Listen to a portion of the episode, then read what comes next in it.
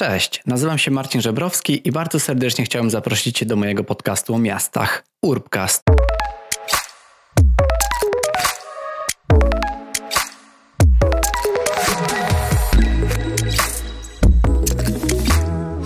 Gdyby każdy Polak przeczytał chociaż raz Miasta dla ludzi, to żylibyśmy w innym świecie. Takimi słowami Kamil zachęcił do przeczytania książki Jana Gela. Bardzo mi się to spodobało, bo uważam, że każdy z nas powinien tą książkę przeczytać i lepiej zrozumieć przestrzeń, w której żyjemy. Ale po kolei. Zanim do tego dojdziemy, to chciałem Wam przedstawić najnowszego gościa w Urbkaście, czyli Kamila Białasa, który jest wydawcą i redaktorem naczelnym magazynu White Mat. Magazyn Whitemat to z kolei magazyn online, a także papierowy, w którym autorzy piszą o architekturze, o designie, a także o modzie a właściwie w kolejności moda, architektura i design, i stąd też bierze się nazwa magazynu. I dzisiaj chciałbym porozmawiać właśnie z Kamilem o tym, jak doszło do tego, że ten magazyn powstał, w jaki sposób prowadzą proces publikowania różnych treści, co im się podoba, co nie. No i z racji tego, że Whitemat to także miejsce wspierania polskich twórców, młodych polskich twórców, to zapytałem o to, jak, jak to wszystko wygląda, co trzeba zrobić, żeby trafić na stronę Whitemat, co trzeba zrobić też, żeby mm, twój produkt w ogóle znalazł się na Whitemat, czy znalazł się w sklepie Whitemat. I co ciekawe, właśnie chciałem pójść w taką stronę miejską. Chciałem troszeczkę Kamila pomęczyć o, o to, czemu nie pojawia się na Whitemat aż tyle mm, urbanistyki. E, natomiast e, mamy właśnie w dużej mierze wiele projektów architektonicznych. No i tutaj myślę, że rozmowa potoczyła się w bardzo ciekawą stronę i Kamil myślę, że postawił taką kropkę nad i właśnie polecając książkę na koniec Jana Gela i używając tych słów, które, które tak bardzo mi się spodobały. Także co, nie przedłużając, chciałem Was zaprosić na najnowszą rozmowę w Urbkaście.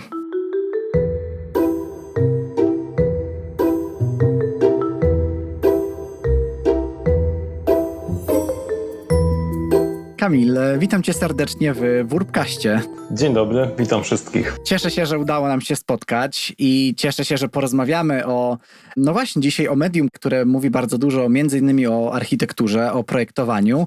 Ale zanim oczywiście przejdziemy do, do tych wszystkich kwestii, tradycyjnie chciałbym poprosić Ciebie o takie krótkie przedstawienie się i powiedzenie słuchaczom, czym się zajmujesz na co dzień. Jeszcze raz e, z tej strony Kamil Białas, e, wydawca i redaktor naczelny magazynu Whitemat. Na co dzień zajmujemy, zajmuję się pisaniem tekstów, szukaniem inspirujących tematów z pogranicza architektury, designu i polskiej mody. Robię to, co sprawia mi największą radość, czyli pokazywanie czytelnikom ciekawych historii, przedstawianie e, ciekawych postaci, sylwetek. Myślę, że po prostu spełniam się zawodowo i dla mnie jest to wymarzona praca. Dlatego też e, właśnie do Ciebie napisałem z taką propozycją rozmowy, bo mnie też właśnie bardzo interesuje to, jak przedstawiacie różne projekty architektoniczne i nie tylko, o czym też jeszcze porozmawiamy.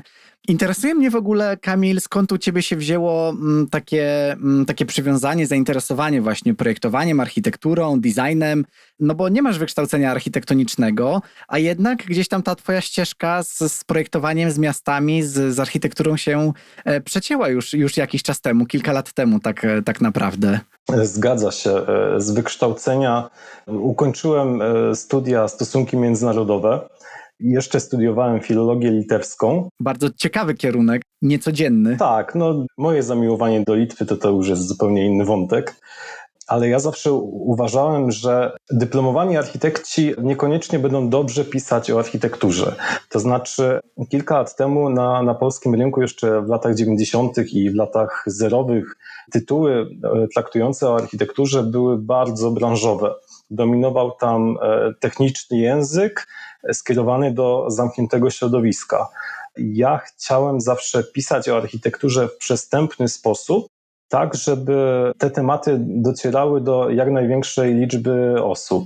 Czyli e, zawsze jak, jak dostawałem e, opisy od architektów ich projektów, to się śmiałem, że muszę je tłumaczyć na, na taki ludzki język, ponieważ Dużo specjalistycznych zwrotów jest po prostu niezrozumiałych i w dzisiejszych czasach trzeba pisać krótko i konkretnie. Tego oczekują czytelnicy i tego sami też e, oczekujemy. To nawet nie zdawałem sobie z tego sprawy, że taka jest twoja personalna historia stojąca za tym, dlaczego właśnie zacząłeś pisać o architekturze. No i cieszę się też, że tutaj się pokrywamy, no bo ja też w swoim podcaście staram się właśnie podchodzić w taki bardzo otwarty, edukacyjny sposób do różnych kwestii. I oczywiście, że śmiało mógłbym opisywać tak samo, czy różne projekty architektoniczne, czy różne konkursy, projekty urbanistyczne, masterplany. I też mógłbym używać takiego specjalistycznego języka, ale pewnie trafiałoby to do dużo mniejszej e, gdzieś tam liczby osób, do dużo mniejszego grona. Także cieszy mnie ta, ta taka twoja otwarta i, i taka edukacyjna też, e, też rola, którą masz e, właśnie w, w White Mat podczas też pisania tych tekstów. I właśnie jeszcze zanim przejdziemy do, do opisywania już samego, samego White Mat, to, to chciałbym się ciebie zapytać, jak to było z mm, taką twoją historią właśnie, kiedy zaczynałeś się coraz bardziej wgłębiać w tą architekturę, bo wiem, że White Mat to nie jest twój, twój pierwszy mm, portal, magazyn, w którym udzielasz się pisząc o architekturze, bo była też bryła.pl i może od tego byśmy mogli sobie w ogóle zacząć. Tak, zgadza się. Przez wiele lat byłem wielkim fanem serwisu bryła.pl. Było to moje ulubione miejsce w polskim internecie i takie okno na świat, żeby podpatrzeć to, co najciekawszego dzieje się w architekturze na zachodzie. No i postanowiłem, miałem marzenie, że chciałbym pracować po, po studiach w Bryle. No niestety e, studiowałem w Poznaniu, gdzie rynek medialny niemal nie istnieje więc żeby zrealizować swoje marzenia, musiałem się przeprowadzić do Warszawy. Wysłałem e, CV i tak dostałem się do, do redakcji bryły.pl. Po dwóch latach e, przejąłem prowadzenie tego serwisu. E, przez ten czas udało nam się zrealizować kilka edycji konkursu Bryła Roku oraz Makabryła Roku. Też, e, też jakiś czas prowadziłem fanpage e, na Facebooku Polish Architecture, gdzie pokazywaliśmy różne architektoniczne koszmarki. No ale chciałem się rozwijać dalej i stwierdziłem, że muszę założyć tytuł, który w 100% będzie spełniał moje oczekiwania. I tutaj pomogli mi koledzy Maciej Stacherski i Adam Zys, gdzie razem 5 lat temu założyliśmy najpierw serwis internetowy, a po, po roku, chyba tak, około roku, wydaliśmy pierwszy numer e, magazynów e, w papierze. A no, moje zainteresowania, już chyba od dziecka zainteresowałem się transportem szynowym. Zwracałem uwagę na to, jak jeżdżą tramwaje w Poznaniu, jak mkną wąskimi uliczkami Jeżyc. Uwielbiałem to oglądać, później uwielbiałem projektować swoje rozwiązania transportowe w, w grach komputerowych więc też jestem wielkim fanem gry SimCity. Myślę, że, że tutaj wiele osób, którym bliska jest urbanistyka i architektura, spędziło wiele godzin nad SimCity. Zdecydowanie. Wróćmy jeszcze do takiej ciemniejszej, śmieszniejszej, smutniejszej także strony właśnie pisania o różnych projektach, bo wspomniałeś o Macabryle, wspomniałeś też o tym, że prowadziłeś fanpage Polish Architecture i no właśnie, czy, czy to jest tak, że ty się już naoglądałeś tyle tych nietrafionych realizacji, że stwierdziłeś, że jednak postarasz się poszukać tych ładnych, tych udanych? Czy miałeś taki przesyt tych nieudanych realizacji, którymi się zajmowałeś? Jeszcze tak z pięć lat temu takich architektonicznych koszmarków było mnóstwo. Dziennie dostawałem po kilka wiadomości od czytelników, którzy sami robili zdjęcia albo na Google Maps e, znajdowali jakiś nieprzyjemny dla oczu fragment. Mam wrażenie, że to się bardzo poprawiło. To znaczy, początkowo pokazywanie takich koszmarków traktowałem jako też element edukacyjny, żeby uświadomić ludzi, że E, nie tędy droga, że lepiej wybrać coś ponadczasowego. Zamiast jaskrawej, żółtej elewacji można wybrać białą. Więc takie teksty były potrzebne. Teraz takich tematów jest na szczęście coraz mniej ale ciągle zdarzają się, znaczy to ewoluowało. Teraz e, mniej pokazujemy pstrokate elewacje, a częściej pokazujemy na przykład nietrafione place w centrach miast. I pewnie ostatnio Kutno by się do tego zaliczyło. Oczywiście był to głośny projekt, który sprawił, że tak naprawdę jakieś życie, zieleń i to, co było wcześniej, zostało całkowicie wycięte. Ale dobrze, to, to rzeczywiście może na inną rozmowę. Przejdźmy już po takiej, po takiej krótkiej właśnie historii tego, jak powstał w ogóle White Mat. Przejdźmy do tego, czym zajmujecie się na co dzień.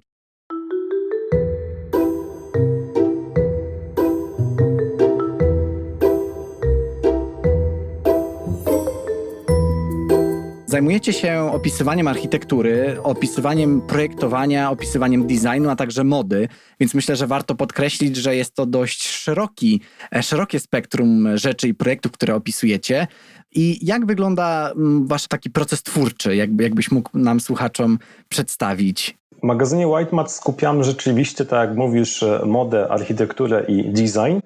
Tutaj w nawiasie powiem, że tak można e, tłumaczyć nazwę magazynu Whitemat, gdzie ostatnie trzy litery odpowiadają właśnie modzie, architek architekturze i designowi.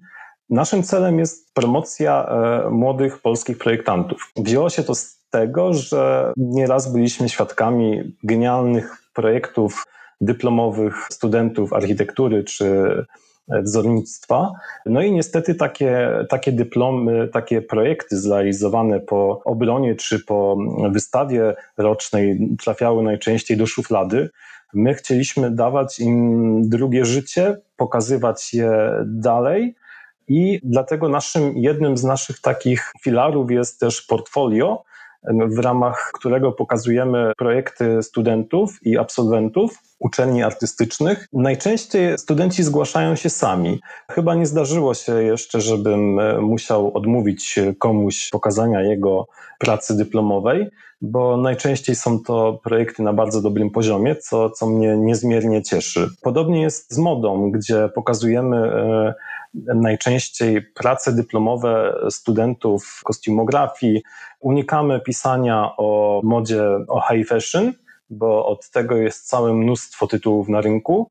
Nasza moda to jest po prostu młoda polska moda. I o tym wspieraniu właśnie takich inicjatyw chciałem porozmawiać, bo wydaje mi się, że no jesteście największym, być może nawet jedynym, e, poprawnie jeśli się mylę, e, takim magazynem, który porusza takie tematy, ale przede wszystkim skupiając się na tych najmłodszych, na tych adeptach e, właśnie projektowania architektury.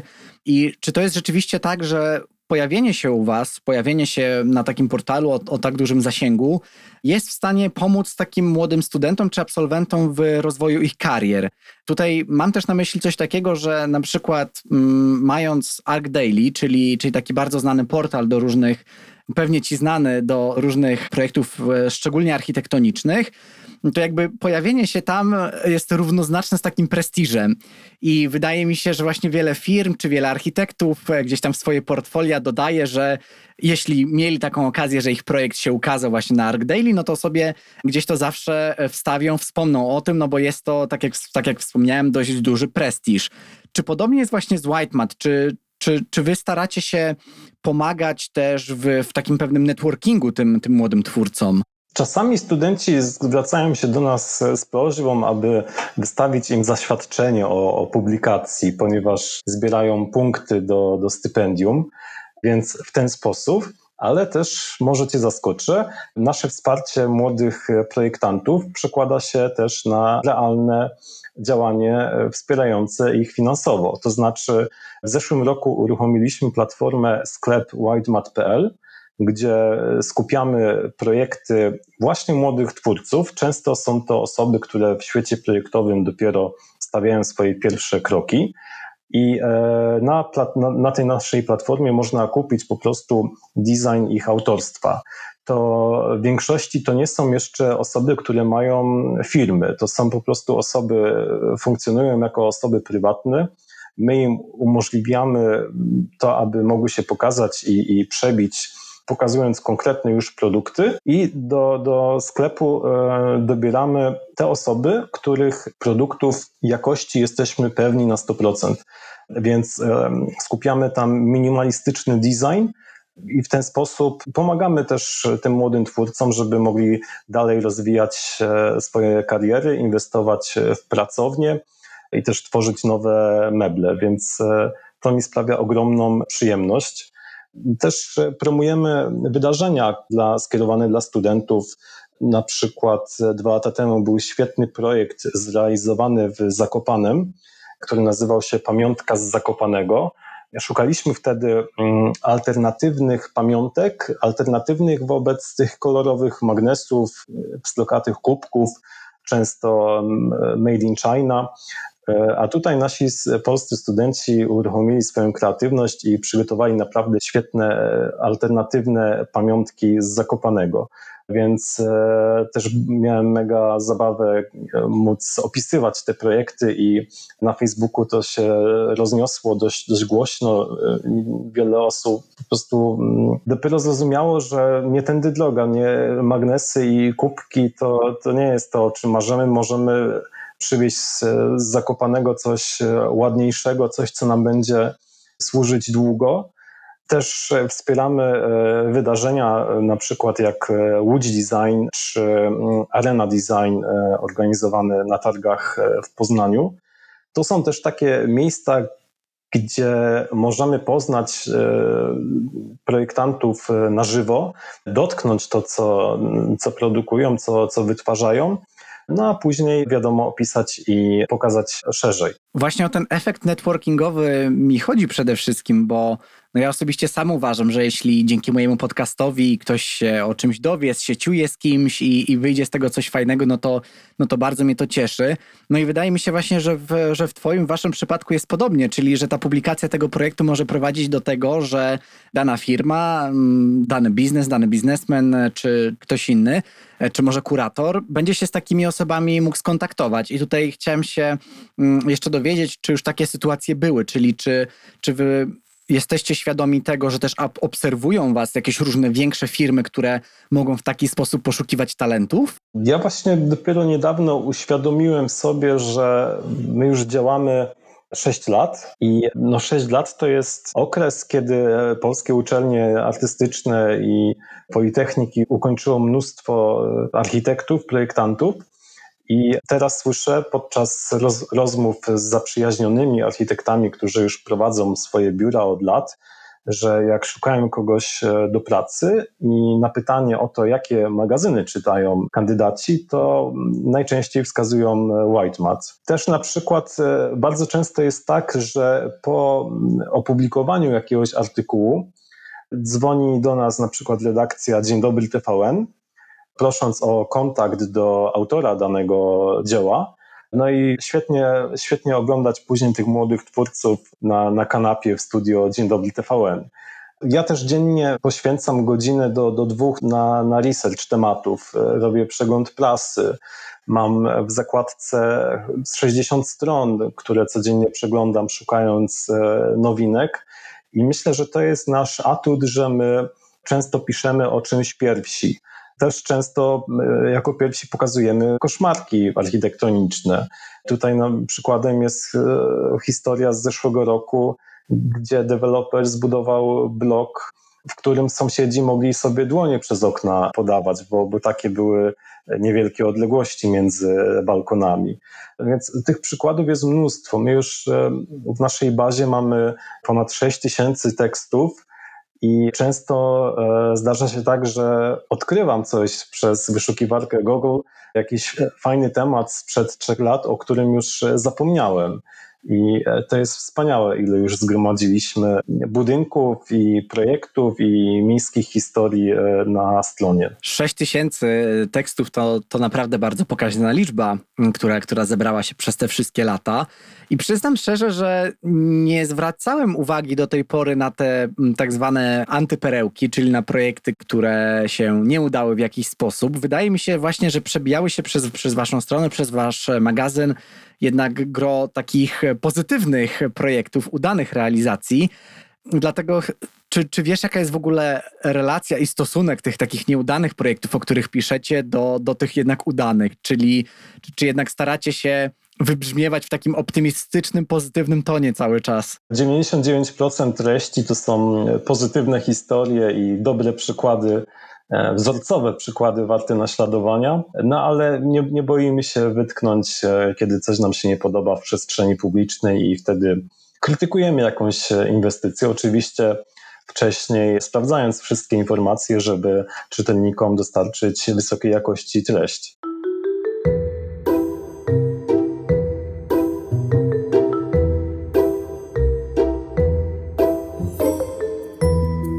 Okej, okay, czyli na przykład jak jest ktoś, kto studiuje architekturę i ma swój projekt, który w jakiś sposób się fajnie wyróżnia i wysyła taki projekt do was i on trafia na waszą stronę, czy wy właśnie takiemu młodemu architektowi, czy być może, mam nadzieję, jeszcze do tego przejdziemy urbaniście, projektantowi urbanistycznemu, jesteście też w stanie zaoferować jakąś pomoc, właśnie oprócz takiego udostępnienia, czyli czy jesteście w stanie takiej osobie zapewnić, oprócz takiego posłuchu, być może jakieś, jakieś powiązania, jakiś właśnie też, też taki efekt networkingu, czy jakby wy po prostu taki projekt publikujecie, no i ewentualnie czekacie, że ktoś być może się zgłosi i zapyta o tą osobę?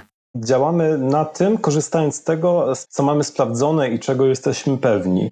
Więc tutaj naszą największą siłą są właśnie publikacje online, które promujemy oczywiście korzystając z naszych kanałów w mediach społecznościowych. I to jest taka, takie koło zamachowe, mam wrażenie, bo zaczyna się to od, od niewinnego artykułu online, gdzie później na, na Facebooku może to udostępnić kilkaset osób, na Instagramie wtedy też możemy oznaczyć konkretny profil. I często widzimy tak, że pokazując jakiś projekt, autor zyskuje e, konkretnych obserwujących i jest o nim po prostu głośniej. Może się pochwalić e, publikacją, zamieszczając chociażby link na, na swojej stronie internetowej. W nawiasie mówiąc, często architekci zamieszczają publikacje, chwalą się publikacjami w mediach, zamieszczając e, skany czy linki do artykułów online. Więc e, skupiamy się na tym, na co nam najbardziej, najlepiej wychodzi, czyli treści jako medium. W planach mamy też no właśnie, rok pandemii koronawirusa trochę ograniczył organizowanie wszelkich warsztatów. Wcześniej intensywniej e, pojawialiśmy się na, na wydarzeniach, gdzie ja prowadziłem na przykład na, podczas Łódź Design galę panel dyskusyjny z projektantami e, biorącymi udział w konkursie Make Me. To jest e, konkurs organizowany w ramach Łódź Design Festival, w którym e, pokazywane są projekty młodych twórców, takie dość odważne i wizjonerskie, jeśli chodzi o funkcje. W maju będzie kolejna edycja Łódź Design, więc będzie to doskonałą okazją, żeby poznać nowych twórców i nawiązać kontakty. Też e, wspaniale oglądać, jak na przykład projekt, który pokazywaliśmy na przykład 4 lata temu, kiedy teraz wchodzę na profil w serwisie Behance takiego projektanta, no to świetnie widać, jak jego portfolio rośnie, po prostu pęcznieje i jest wysokiej jakości. Więc e, wtedy napawa mnie taka duma, że no, miałem nosa skupiając swoją uwagę na danym projekcie kilka lat temu, czy dan, danym projektancie kilka lat temu. Czyli można powiedzieć, że trochę funkcjonujecie też jak tacy headhunterzy dla, dla młodych talentów, wyszukując ich i, e, i publikując ich pracę. I też tym swoim pytaniem o architektów miałem, miałem właśnie na myśli to, żeby mm, starałem się tak wcielić w, w rolę takiego młodego mm, architekta, młodego studenta, który, który kończy te swoje studia, broni dyplom, no i rzeczywiście pewnie najlepszym, jednym z najlepszych sposobów, żeby dostać potem e, pracę, którą, którą chce się dostać, no to jest też promowanie tego, tego swojego działania, promowanie swojego portfolio, promowanie swoich projektów, czyli jakbyśmy mogli tylko tak krótko podsumować, czyli jak jestem takim młodym studentem i chciałbym zaistnieć na łamach White Mat, to co muszę zrobić? Najlepiej przesłać do nas maila na adres redakcja małpa.whitemat.pl no i generalnie to wystarczy. Wtedy oceniamy wspólnie podczas kolegium redakcyjnego potencjał danego tematu. Często też szukamy alternatywnego ujęcia dla danego tematu, bo też uwielbiam spoglądać na jakiś temat z różnej perspektywy. I często jest tak, że na przykład opisując dany temat, znajduję wątek, który ma jednak kluczowe znaczenie. Czyli na przykład, jeżeli studentka pochwali się um, swoją kolekcją ubrań, czy na przykład um, student pochwali się swoimi tutaj projektami z drewna, na przykład ławkami czy meblami, to ja zawsze pytam, a z jakiego to jest materiału? Być może to jest materiału z recyklingu i wtedy warto wyciągnąć to gdzieś z przodu. Więc też zawsze szukam jakichś e, atutów danego projektu, z których twórcy może sobie nie zdają nawet sprawy. I to ma właśnie znaczenie w kwestii ekologii, czy urbanistyki, gdzie wszyscy oczekujemy, aby w projektach było dużo zieleni i dużo natury. Więc e, na to zwracam uwagę i też często piszę artykuły w taki sposób, żeby pokazać właśnie dany projekt e, z innej perspektywy. Więc e, wszystkich studentów i absolwentów, którzy chcą pochwalić się swoimi projektami, zachęcam do tego, aby przesyłali swoje zgłoszenia na redakcja małpa widemat.pl i myślę, że to wystarczy. Dobrze, że wywołałeś do tablicy urbanistykę i urbanistów, bo o nich też chciałem oczywiście zapytać. Bo rozmawiamy dużo o architektach, o architekturze, o różnych pracach dyplomowych, o projektach budynków, ale wiem, że na waszych łamach też od czasu do czasu pojawiają się projekty w tej trochę większej skali. Są to różne projekty dotyczące właśnie też mm, przerabiania różnych budynków. Wiem, że też Ewa Lenart, która występowała w moim podcaście, była też na waszych łamach opowiadając właśnie o transformacji robionych przez Purcell Architects. No i właśnie, czy, czy te projekty urbanistyczne też się trafiają? Czy może za, zaobserwowałeś przez ostatnie lata jakiś wzrostowy trend w liczbie takich publikacji projektów właśnie stricte w, w skali miasta? Wiesz, to zależy, jaką skalę masz na myśli, bo ja jestem wielkim fanem historii typu budowa stolicy Brazylii, czyli powstawanie miast od zera, gdzie rzeczywiście urbaniści mogą e, pochwalić się e, pełnią swojej wiedzy i doświadczeń, projektując miasto idealne. I um, świetnie później um, sprawdzać, jak ich założenia mają, wyglądają w praktyce tematów e, na taką skalę nie jest dużo. One to są unikalne treści i e, wypatruję zawsze takich historii, aczkolwiek na Bliskim Wschodzie pod tym względem się dzieje najwięcej, jednak nie jest to dla mnie urbanistyka Bliskiego Wschodu jest, jest dla mnie trochę na siłę i takie próba przeciwstawienia się człowieka siłą natury, przyrody, być może za, za kilkadziesiąt lat te miasta będą musiały wszystkie funkcjonować w jakichś szklanych, klimatyzowanych kopułach, no ale e, nie, nie o to chodzi. Obecnie urbanistyka, mam wrażenie, e, sprowadza się do mniejszych interwencji, do interwencji na mniejszą skalę i dostrzegam ją w, w, historiach takich, kiedy miasta na przykład prowadzą generalne remonty śródmieścia czy głównych placów. Wtedy możemy zobaczyć, czy e, stawiają na podniesienie jakości, z, jeśli chodzi o użytkowanie z takich miejsc to jest wtedy najciekawsze, uważam, czyli którędy wyznaczam chodniki, ścieżki rowerowe, jaką zieleń zaproponują, wysoką, niską, czy, czy będzie jakaś fontanna, jak będzie oświetlenie zorganizowane, sposób poruszania się po danym fragmencie. Takie historie uwielbiam, ale jest ich mniej, bo mam wrażenie, że po prostu 90% e, tego, co dzieje się teraz na pograniczu architektury i urbanistyki, to są po prostu kwestie budowy nowych budynków albo osiedli, które pełnią rolę takich e, małych miast. Więc no, tu niestety deweloperzy kontra tabelka w Excelu i, i pieniądze najczęściej wygrywają i rzadko zdarza się, żeby współcześnie deweloperzy mogli sobie pozwolić na na przykład zachowanie takiej odległości między blokami, jak w przypadku osiedli stawianych w PRL-u. Mam wrażenie, że w PRL-u ta urbanistyka miała dużo plusów. Byleby nie, nie dochodziło do takich sytuacji, o których wspominałeś, że dwa bloki były postawione obok siebie tak blisko, że sąsiedzi z tych dwóch bloków mogli podać sobie dłonie, bo, bo takich obrazków e, na pewno nie chcemy. I ja też specjalnie pytam e, o tą urbanistykę. Czuję się, że tak powiem, tutaj trochę jako, jako taki adwokat, też jako urbanista, bo też wydaje mi się, że, że jednak urbanistom, projektantom urbanistycznym, e, ale może też architektom krajobrazu jest troszeczkę trudniej przedstawiać efekty swojej pracy, bo one są najczęściej w tak dużej skali, też rozłożone na wiele lat, że e, no, nie jest to taki czasem efekt wow, jak, jaki można osiągnąć wizualizacją architektoniczną.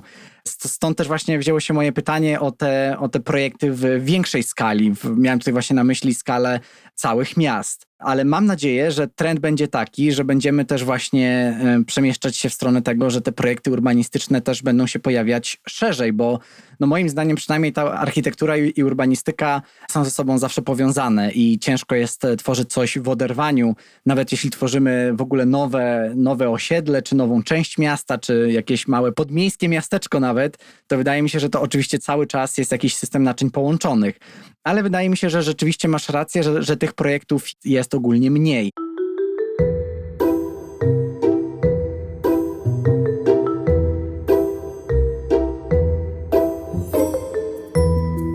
Czy planujecie jeszcze tutaj, pozostając trochę w tym temacie urbanistyki, ale nie tylko, planujecie że też w ogóle poszerzać trochę spektrum tych projektów, które, które się na waszych łamach pojawiają? No bo mamy architekturę, mamy też modę, mamy też design, mamy też właśnie pojawiającą się gdzie niegdzie urbanistykę.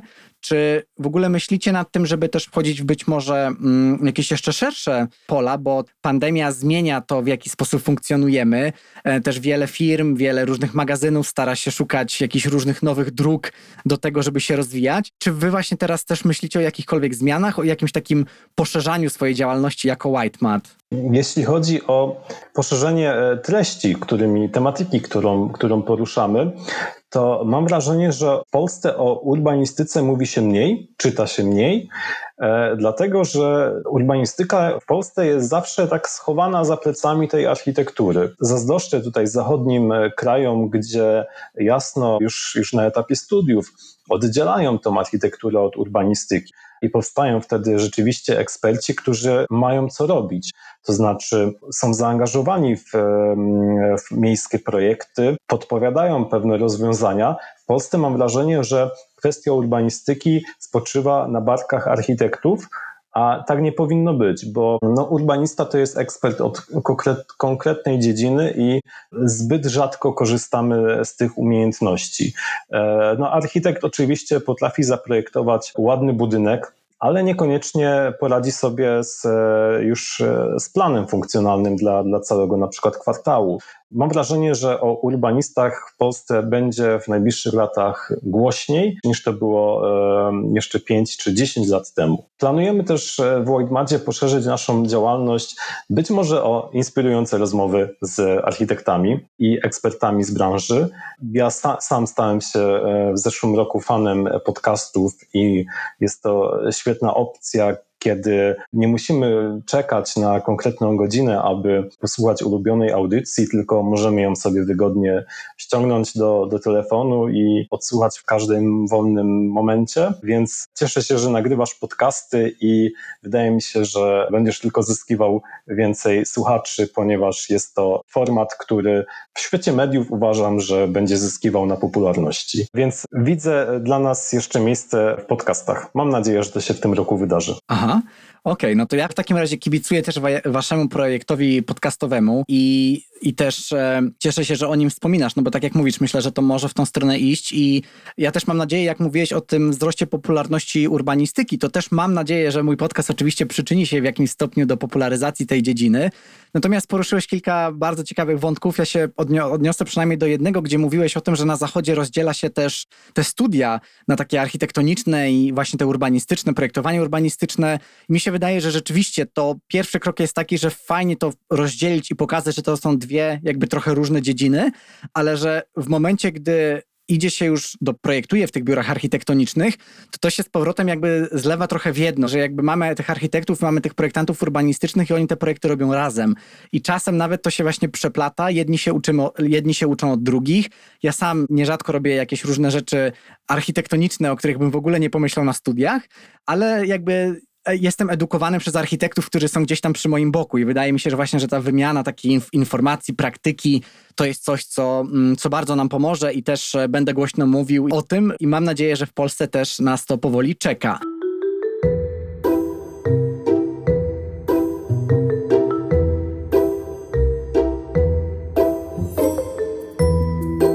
Zaczęliśmy wybiegać trochę w przyszłość, mówić o, o nowych formach właśnie przekazywania tych treści, a ja bym jeszcze chciał na koniec wrócić do takiej formy najbardziej standardowej, czyli do papieru, bo Whitemat to także drukowany magazyn. Co możemy znaleźć w tej, w tej drukowanej wersji? No i czy możemy się też właśnie w tej drukowanej formie spodziewać także więcej treści poświęconych miastom i urbanistyce ogólnie? Papierowej wersji magazynu Whitemat e, skupiamy unikalne treści, których nie publikujemy później e, w online. Już od pierwszego numeru trzymamy się tej zasady, że to, co pokazujemy w papierze, zostaje w papierze, a dobierane tam treści e, zawsze staramy się wybrać tematy do papieru w taki sposób, aby nawet po kilku latach były one ciągle aktualne. I cieszę się, kiedy do dziś e, ludzie kupują pierwszy, drugi czy trzeci numer magazynu White Mat. Te zamówienia cały czas się pojawiają.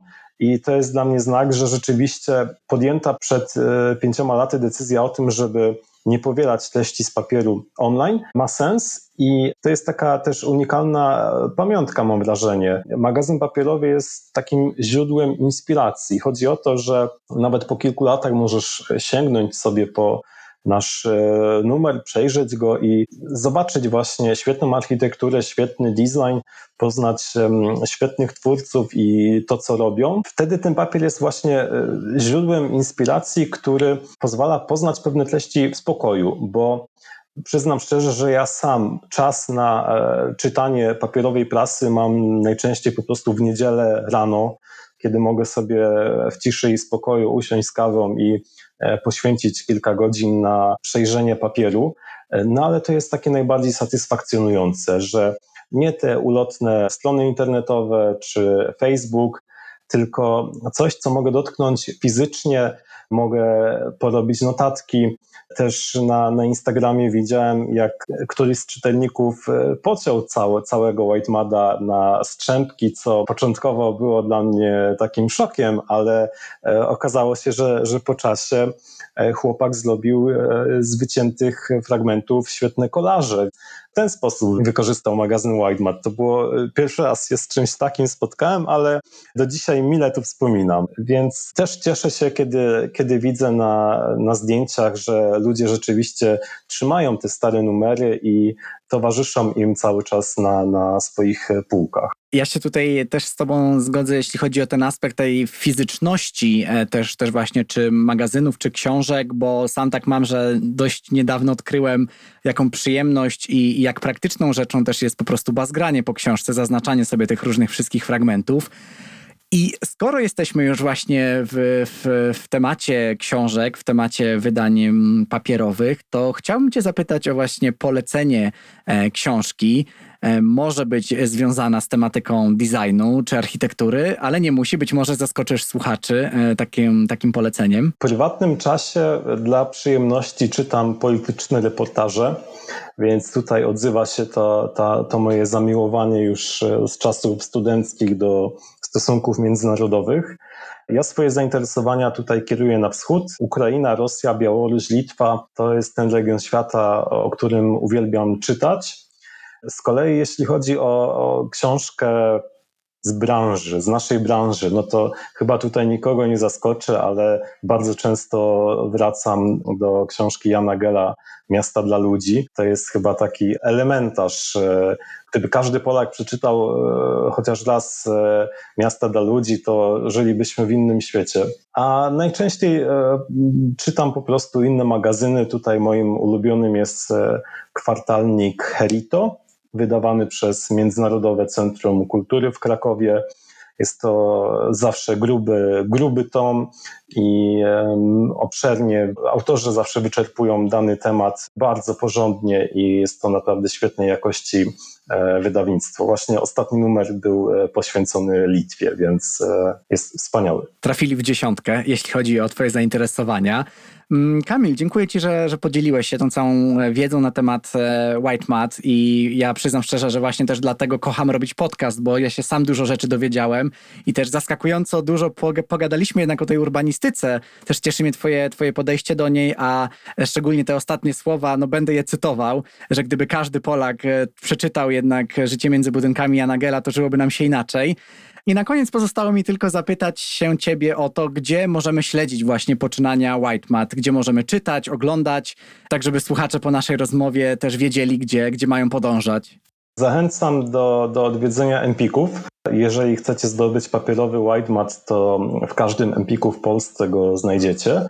No i oczywiście nasza strona widemat.pl. Jesteśmy też na Facebooku, gdzie mamy już 110 tysięcy fanów i na Instagramie, gdzie tam liczba naszych fanów e, oscyluje wokół 30 tysięcy, jeśli dobrze pamiętam, tak. Więc wykorzystujemy tutaj najpopularniejsze kanały.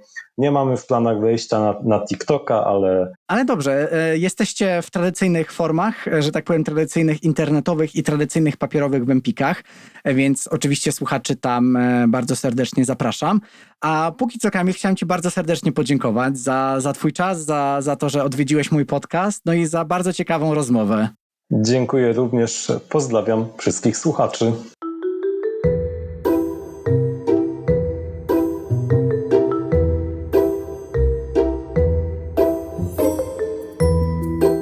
Dzięki wielkie za wysłuchanie rozmowy. Jeśli dotrwałeś, dotrwałaś do tego momentu i słuchasz też tego krótkiego podsumowania po rozmowie, to chciałem Ci podziękować za to, że jesteś ze mną w, w, tym kolejnym odcinku, już 47.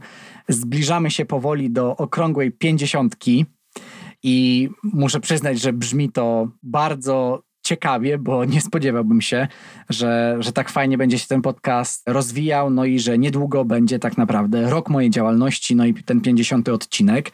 Także śmiało zachęcam Was do tego, abyście też dzielili się jakimiś swoimi pytaniami, bo być może zrobię jakąś taką krótką sesję QA. Jeśli więc macie jakieś pytania, to śmiało do mnie piszcie, czy może macie też jakieś propozycje odcinków, bo czuję, że coraz częściej ten podcast jest po prostu tworzony razem z Wami, czy to właśnie w formie pytań, które zadajecie, czy to w formie gości, których polecacie. Jestem z tych takich niespodziewanych kierunków i zwrotów akcji bardzo zadowolony. Cieszę się, że porozmawiałem z Kamilem, bo tak jak wspominałem też w naszej rozmowie, bardzo dużo się nauczyłem. E, nie sądziłem, że Kamil ma też właśnie takie fajne spostrzeżenie na temat urbanistyki.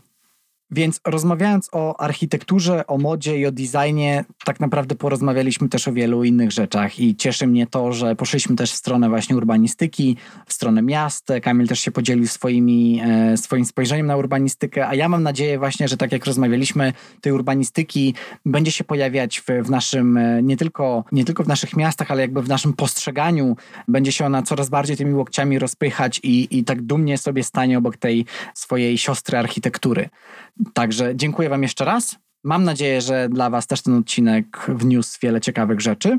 Zapraszam Was na stronę Whitemat, gdzie zobaczycie e, różne ciekawe realizacje architektoniczne, modowe, designerskie i nie tylko. I do usłyszenia niebawem. Pa, pa.